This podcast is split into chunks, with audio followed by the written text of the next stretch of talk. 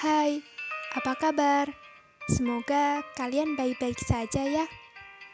Hari ini sharing tentang zona nyaman yuk. Zona nyaman versi kalian seperti apa?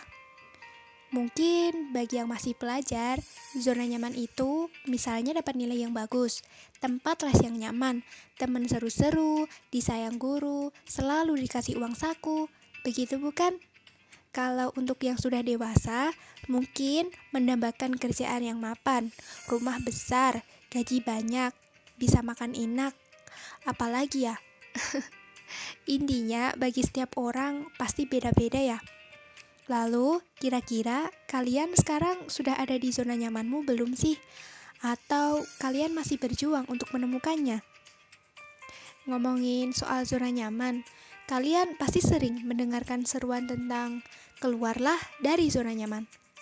Kalimat itu untuk sebagian orang bisa menjadi motivasi ya, tapi untuk sebagian lainnya bisa menjadi seperti paksaan bukan? Seakan-akan kita harus pergi dari sana dan menuju tempat yang tidak kita tahu. Mungkin saja keras, sulit, menyesakan, dan sebagainya. Coba-coba.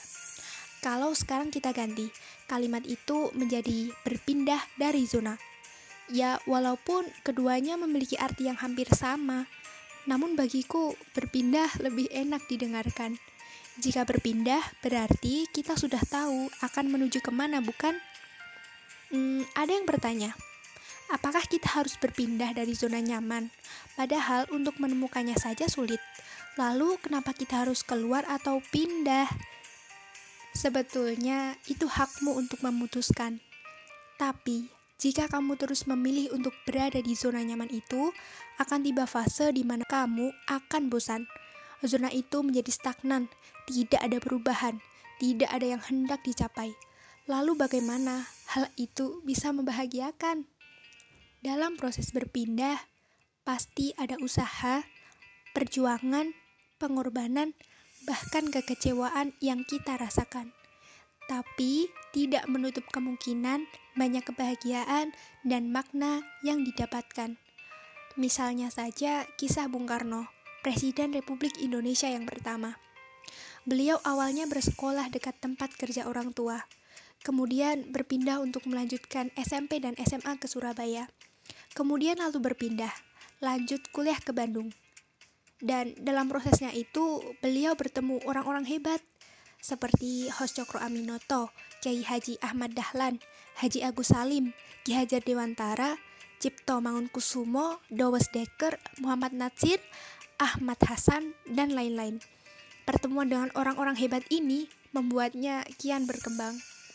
Tak sampai di situ, bahkan saat Insinyur Soekarno terpaksa diasingkan ke Ende Flores, kemudian dipindahkan ke Bengkulu, ia bertemu orang baru yang semakin menguatkan mentalnya.